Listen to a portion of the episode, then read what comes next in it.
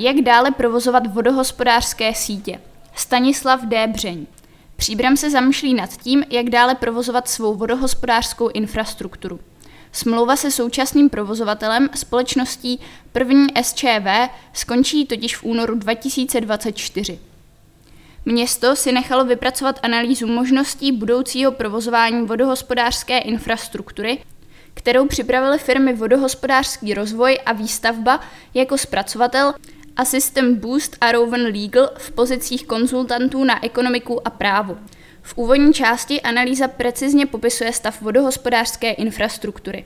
V obecné rovině označuje za problematický stav zejména vodovodních hřadů. I přes zvýšenou obnovu vodovodních hřadů, prováděnou zejména v posledních letech díky značným investicím ze strany města, zůstává většina vodovodního potrubí ve špatném technickém stavu a vykazuje zvýšenou poruchovost. Systém odvádění a čištění odpadních vod je hodnocen jako vyhovující, i když jsou zmíněna místa kanalizačních stok, která jsou v havarijním stavu nebo vykazují provozní problémy. Hlavní potíží je v současnosti kapacita městské čistírny odpadních vod.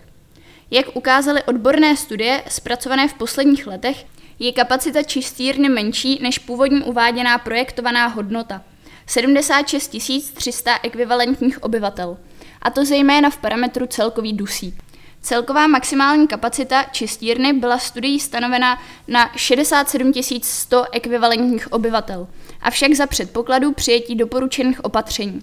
V současné době je kapacita čistírny pro odstraňování dusíku 48 160 ekvivalentních obyvatel vyčerpaná a není možné do doby realizace doporučených opatření povolit další vypuštění odpadních vod do stokové sítě města.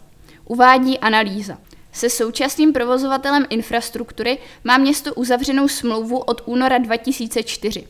V prosinci 2013 uplatnila firma právo obce na prodloužení účinnosti provozní smlouvy a prohlásila, že má vůli pokračovat ve spolupráci s městem dalších 10 let, tedy do 29. února 2024. Provozovatel je plně odpovědný za provozování infrastruktury s tím, že na jedné straně získává platby za vodné a stočné a na druhé straně nese část rizik spojených s užíváním infrastruktury rizika poptávky, platební morálka zákazníků, provozní rizika a podobně. Za užívání infrastruktury platí provozovatel městu pachtovné, nájemné.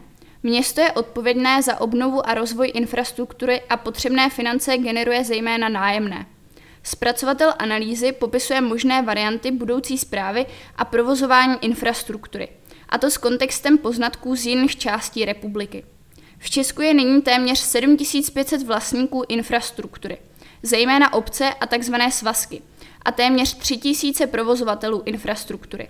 Z hlediska objemu fakturované dodávané pitné vody a odváděných odpadních vod cirka 89% poskytovaných vodohospodářských služeb zajišťuje 50 největších provozovatelů infrastruktury, přičemž více než 35% vodohospodářských služeb zajišťují tři největší provozovatelé v České republice – kterými jsou Pražské vodovody a kanalizace, Severočeské vodovody a kanalizace a Severomoravské vodovody a kanalizace Ostrava. Ve většině měst a obcí v České republice převažuje tzv. oddílný model provozování, tedy ten, který má aktuálně i příbram. Analýza rozvíjí pět variant modelů budoucího provozování. Nulová varianta. Oddílný model provozování infrastruktury. Servisní model provozování infrastruktury získání závodu první SČV a vložení do ceřiné společnosti. Získání závodu první SČV a vložení do ceřiné společnosti současně s vložením infrastruktury města. Nulová varianta by předpokládala pasivitu města a negativním důsledkem by bylo nezajištění bezpečného a plynulého provozování infrastruktury a nutnost strpět nucené provozování v rámci institutu, takzvané povinnosti veřejné služby. Oddílný model provozování infrastruktury předpokládá uzavření smlouvy s novým provozovatelem vybraným v zadávacím řízení. Provozovatel je pak plně odpovědný za provozování infrastruktury vlastníka. V podstatě by to znamenalo pokračovat v současném modelu, nikoliv však nutně se stávajícím provozovatelem. Servisní model provozování infrastruktury je založen na smluvním vztahu vlastníka infrastruktury s jedním externím dodavatelem služeb který zajišťuje rozhodující objem činností spojených s provozováním infrastruktury vlastníka. V rámci smluvní úpravy konkrétní servisní smlouvy je možno sjednat řadu dílčích odlišností, ale vždy je základním charakteristickým prvkem tohoto modelu skutečnost, že vlastník infrastruktury realizuje výběr vodného a stočného svým jménem a na svůj účet a nese s tím spojená rizika. Další model je tzv. vlastnický, kdyby město, co by vlastník, provozovalo infrastrukturu prostřednictvím vlastní provozní příspěvkové organizace nebo obchodní společnosti. Tento model může připomínat situaci, kdy je Příbram zřizovatelem a stoprocentním vlastníkem obchodní společnosti Městské lesy Příbram, které spravují lesy v majetku města. Vlastník může pro tyto účely využít i již existující municipální společnosti, která současně s provozováním infrastruktury vykonává i další činnosti. Obvykle se jedná například o technické služby.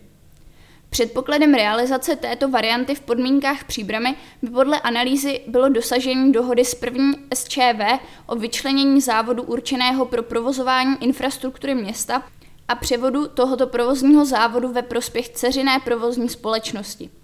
V poslední variantě analýza pracuje s takzvaným smíšeným modelem, kdy je vlastníkem a současně provozovatelem infrastruktury ve svém vlastnictví obchodní společnost. Jedná se o situaci, kdy vlastník nebo vlastníci infrastruktury buď vloží svůj majetek do existující obchodní společnosti, smíšená společnost, která vlastní a provozuje majetek jiných vlastníků, nebo za tímto účelem založí novou smíšenou společnost.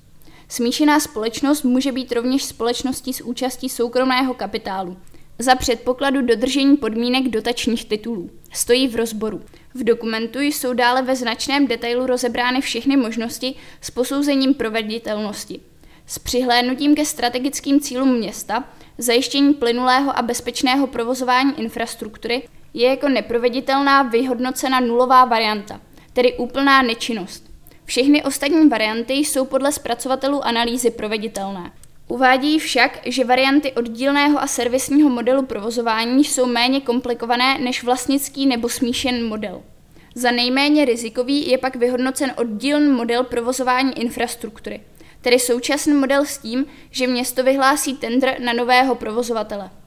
Analýza sloužila jako jeden z podkladových materiálů pro hlasování zastupitelstva, které jej projednalo 25. dubna 2022.